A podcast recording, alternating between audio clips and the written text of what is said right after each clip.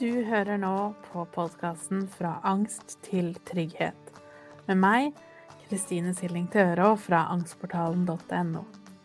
I denne podkasten skal vi snakke mer om hva angst er, hvordan du kan utfordre den, og hvorfor trygghet er så viktig.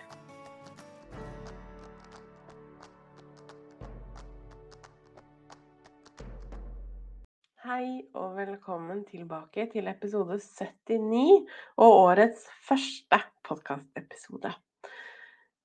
Denne episoden har kommet litt seinere enn jeg hadde tenkt, fordi januar har brakt med seg ganske mye sykdom her i huset. Her er vi etter tur vært forkjøla så det holder, og du hører det nok sikkert fortsatt litt på stemmen min. Men nå er vi i gang tilbake med ukentlige episoder.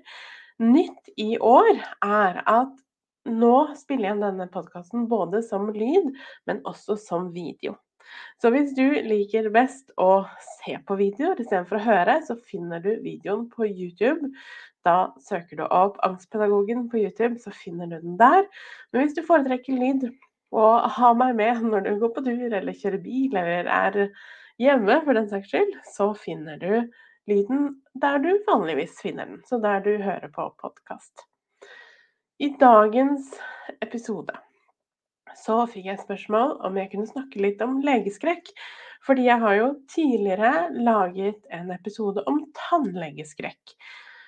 Og derfor så lurte den personen på om jeg også kunne snakke litt om det å frykt for å gå til legen. Og her vet jeg at det er mange som vil kjenne seg igjen, fordi dette er noe jeg ofte får spørsmål om. Enten på mail eller meldinger, men også eh, men også på webinarene. Når jeg holder webinarer og ber om spørsmål, så er dette et spørsmål som veldig ofte dukker opp. Og det som går igjen, det er jo frykten for å oppsøke lege til tross for at du kanskje har symptomer, eller kanskje nettopp derfor du ikke oppsøker legen. Fordi du har symptomer, og du er livredd for hva legen skal si. Og for mange så handler det også om det å fysisk sett være på kontoret. Det å, hvis du i utgangspunktet syns det er vanskelig å være kanskje andre steder enn hjemme, og kanskje til og med hjemme er et krevende sted å være, så er det jo naturligvis sånn at det å dra til legen, eller det å dra på et kontor på den måten, det kan være ganske skremmende i seg selv. Så det har jeg lyst til å snakke om i dag. Eh, og dette er også noe jeg skriver mye om i boka mi, Ikke ta deg sammen. Så hvis du har den, så kan du gå til side 67, 68 og noen sider utover. Så snakker jeg mer om dette med å velge fastlege. Og liksom hvordan kan vi snakke med legen vår om angsten. For det er fortsatt sånn for veldig mange at det å snakke med selv legen din om angsten du kjenner på, det er vanskelig og kanskje føles til og med helt umulig. Mange forteller at de er redd for å ikke bli forstått eller ikke tatt på alvor, eller redde for at det de forteller høres så voldsomt og alvorlig ut for legen, og blir derfor livredd for hva kommer legen til å si. Og Derfor skal jeg i dag snakke litt om hvordan kan vi starte det forholdet med legen din. Litt sånn hva kan du si, hvordan kan du gå frem? Og er det noe jeg er tilhenger av, så er det jo nettopp trygghet. Så hvordan kan du gå fra der du er nå, på en trygg og sakte og god måte nærme deg den samtalen med legen? Og i Angstportalen så hadde vi også gjest av Katarina Prakon, som er lege. Du finner henne på Instagram som, eh, som Doktordamen. Og hun snakket om nettopp dette her med å møte mennesker med angst, og litt for å normalisere også hva legen tenker og føler om at du kommer dit og snakker om din angst. For det er jo litt sånn at vi med angst tenker at det jeg kjenner på, det er så unormalt. Dette her kan det umulig være noen som har kjent på eller følt på eller tenkt på eller sagt før. Og det høres så alvorlig ut at jeg kommer til å bli gal. De kommer til å si at symptomene mine betyr noe skummelt og noe farlig. Og da er det jo ikke så rart at mange eh, på en måte får det sånn at det å gå til legen er det sist tenkelige. Så se den videoen også hvis du er i Angstportalen. Den finner du under um, videoarkivet og gjester, så finner du den der. Så for noen så er det jo sånn at angsten gjør at du drar hele tiden til legen.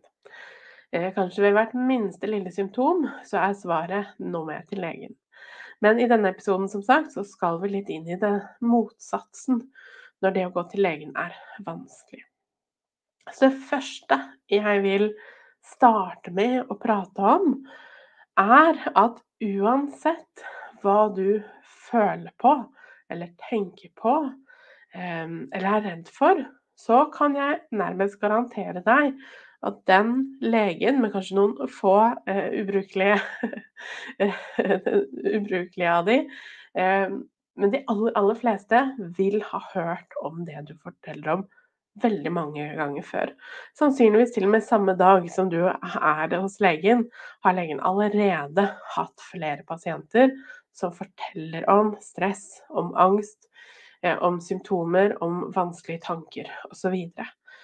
For selv om noe er veldig eh, føles veldig unaturlig for oss, så er alt av dette her eh, veldig godt kjent, og noe de aller, aller fleste har hørt om før, og tar med største på eh, møter med største alvor. Og selv så har jeg nå jobbet utelukkende med mennesker med angst siden jeg startet så smått i 2016, men på fulltid siden 2019. Som begynner å bli ganske mange år. Og det er ganske mange mennesker som jeg både har prata med, fått mailer fra eller blitt kontakta på en eller annen måte. Aldri noen gang har jeg opplevd å få et spørsmål eller en, et utsagn eller en henvendelse om noe jeg aldri har hørt om før. For igjen, det er litt sånn at vi i angsten Og det er kanskje litt det angsten gjør med oss òg. Den setter på oss skylapper. Og vi føler veldig at dette er veldig unikt og veldig spesielt. Og så har vi kanskje også fått det forsterka fordi vi kanskje har prøvd å få hjelp tidligere. Og har opplevd å ikke bli sett og bli hørt. Og derfor, selvfølgelig, så har vi både fått som sagt forsterka den følelsen av at dette her er unormalt. Men for en fastlege som jobber med mennesker hele tiden, som Katarina også snakker om i denne videoen, eh, som jeg snakket om i stad, inne i videoarkivet, så er dette her hverdagen. Dette er normalen. Og din, eller det si fastlegen din sin oppgave, er jo også at du skal føle deg trygg. Trygg nok til å fortelle om hvordan du har det. Og da kan vi gå frem på litt forskjellige måter, litt, sånn litt avhengig av hva som er utfordringen akkurat nå. Så vi, hvis det er sånn at det å oppholde deg der rent fysisk er vanskelig, så kan det f.eks. å henvende deg til fastlegen din og spørre kan vi ta det på telefon eller på en videosamtale, som jo veldig nå spesielt etter korona eh, har begynt med. Så kanskje vi kan bli litt kjent sånn først. Eller det kan være at du kan skrive istedenfor å ringe, kan, så kan du sende en melding. Noen leger har jo sånn at du kan skrive melding direkte til legen. Eller du kan skrive det når du bestiller en time, eh, hvor du vanligvis har et sånn kommentarfelt hvor du kan skrive litt om 'jeg har legeskrekk', 'dette syns jeg er skikkelig vanskelig, kan jeg få en telefonsamtale eller videosamtale først'? Eh, vi kan også begynne å øve med å sitte på venterommet. Noen, eh, selv om du ikke har time, eller kanskje spesielt når du ikke har time, velger å dra dit bare for å sitte litt. Rett og slett kjenne litt på det. Bare være i omgivelsene og bli litt kjent med den, det ubehaget du sannsynligvis kommer til å ha der. Og sitte og rett og slett ja, eh, eksponere seg litt for å bare oppholde seg der. Og neste steg for mange er jo da å snakke med legen, og da er det veldig lov, og veldig fint til og med, å fortelle legen din akkurat hvordan du har det. At jeg f.eks. har lyst til eh, Jeg har noen symptomer som jeg er veldig redd for.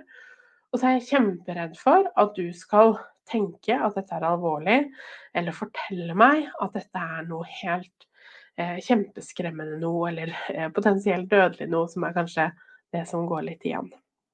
Og ved å gi legen din den informasjonen, så instruerer du på en måte også legen til å møte deg på det du lurer på, eller møte deg på en måte som gjør at du ikke eh, eh, Man kanskje veier ordene sine da, litt mer enn man ville ellers.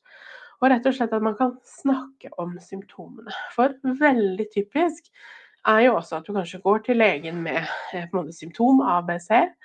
Uh, og så får du høre at nei, dette høres ikke alvorlig ut, dette her uh, er nok stressrelatert eller angstrelatert. Og så gir ikke det svaret oss så mye. For, for det første så gjør veldig ofte ikke det at vi føler oss noe tryggere. Og vi kanskje føler oss litt avfeid. For selv om det er selvsagt for legen din, så er det jo ikke sikkert det er så selvsagt for oss. Eller jeg vil nesten påstå at for ingen mange så er det selvsagt i det hele tatt. For da hadde vi jo ikke sittet der i utgangspunktet. Um, så det å på en måte instruere legen din i at jeg trenger litt mer kjøtt på beinet her. Jeg trenger å høre din tankeprosess. Jeg trenger å høre hvorfor tenker du at dette er angstrelatert, eller hvorfor er ikke dette her noe farlig? Og på den måten kan vi også bygge opp et tillitsforhold med legen. Og det er også lov å gå til legen og si jeg vil egentlig bare fortelle deg noe om hvordan jeg har det, men akkurat nå så har ikke jeg lyst til at du skal respondere på det. Jeg har ikke noe lyst til akkurat nå at du skal svare på det jeg sier, men jeg har behov for å fortelle deg. Og så kan vi kanskje bestille en time igjen om en uke eller to, eller hva nå enn som er naturlig, dersom kanskje legen da kan eh, svare deg litt tilbake. Og litt sånn tørre å sette litt grenser. Fordi det er veldig mye bedre å møte opp og kunne fortelle hvordan du har det, til tross for at du ikke får noe feedback, enn å ikke gjøre det i det hele tatt. For det åpner jo opp for nettopp den, det forholdet som vi trenger å ha til fastlegen. Og så vil det jo være noen som har en fastlege som ikke er spesielt god på disse tingene. Som kanskje ikke er det trygge, det trygge bautaen du trenger når ting er vondt og vanskelig. Og da, eh, som jeg også skriver i boka, kan jeg ikke få sagt det tydelig nok, da trenger vi å lete etter den som er det. Fordi at fastlegen din er noe av det viktigste vi har når vi skal jobbe med angsten. Enten om du trenger henvisninger og videre hjelp i måte, det offentlige systemet, eller du har med Nav å gjøre. Um, eller rett og slett bare det for å holde deg trygg, så trenger vi en fastlege som har en litt sånn basisforståelse, i det minste, for psykisk helse. Og da kan vi søke litt etter det. F.eks. kan vi gå på legelisten.no, det var det jeg gjorde selv. Søke opp leger i ditt område og se på kommentarer. Og da kanskje se etter litt sånn uh, kodeord som psykisk helse, følelser, følte meg tatt på alvor. Sånne ting som folk som er fornøyde med legen sin, vanligvis setter pris på. Og så er det veldig ofte sånn at da er det på de beste legene er det gjerne en del ventetid. Men det er mye bedre det å sette seg på en venteliste, um, og så kanskje til slutt få den legen du trenger, eh, heller enn å ikke gjøre det. Så bare en litt sånn um, motivasjon til å, å finne den fastlegen du trenger. Så ta det helt gradvis vite at dette her kommer til å gå bra, og det er mye lurere å heller få en litt ubehagelig beskjed av legen enn å ikke oppsøke legen og måtte stå i alt det du står i på egen hånd. Fordi at dette her er viktig, og vi kan gjøre det så sakte og så trygt og så gradvis som du bare trenger. Um, og jeg tror nok at vi er nødt til å kanskje i større grad se på legen vår som et menneske som ønsker å hjelpe deg så godt det lar seg gjøre, men pga. kanskje mange rammer her, som tid f.eks., så er det kanskje litt vanskelig. Og her trenger du som pasient å kanskje sette noen, noen grenser og noen regler for hva er det jeg trenger for å få det du trenger. Hva er det du har behov for når du går til legen? Trenger du et råd? Trenger du å spørre om noe helt konkret?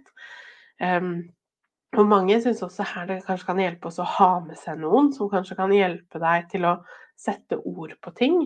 For det kan jo være litt sånn når vi sitter i situasjonen, så har vi kanskje glemt litt hva vi egentlig skulle si, eller det er kanskje vanskelig å sette ord på ting på en veldig tydelig måte. Så det å ha med seg noen, eller at du har skrevet ned noe på forhånd, kan jo også hjelpe.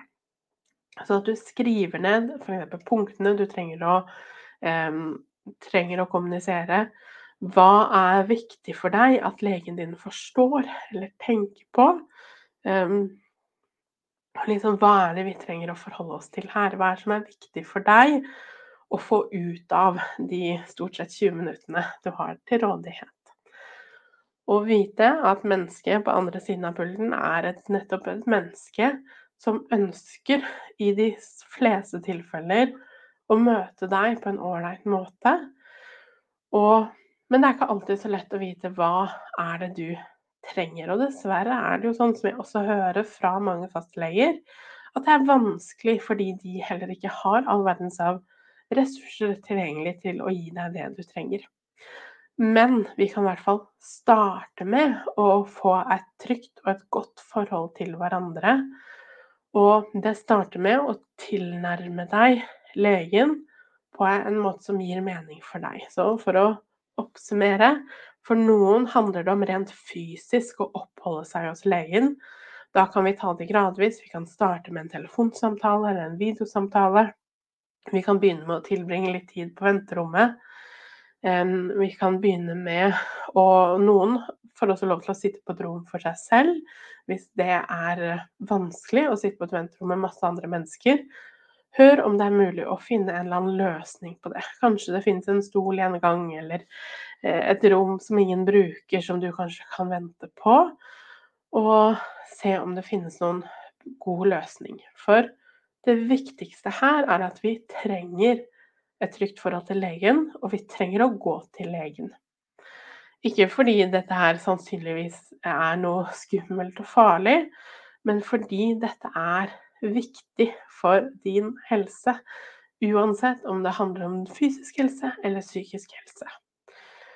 Og ta liksom, Tenk at nå skal du ta litt regien av den samtalen. Du må be om hva du trenger, enten muntlig med, fra deg, fra den du har med deg, eller rett og slett skriftlig.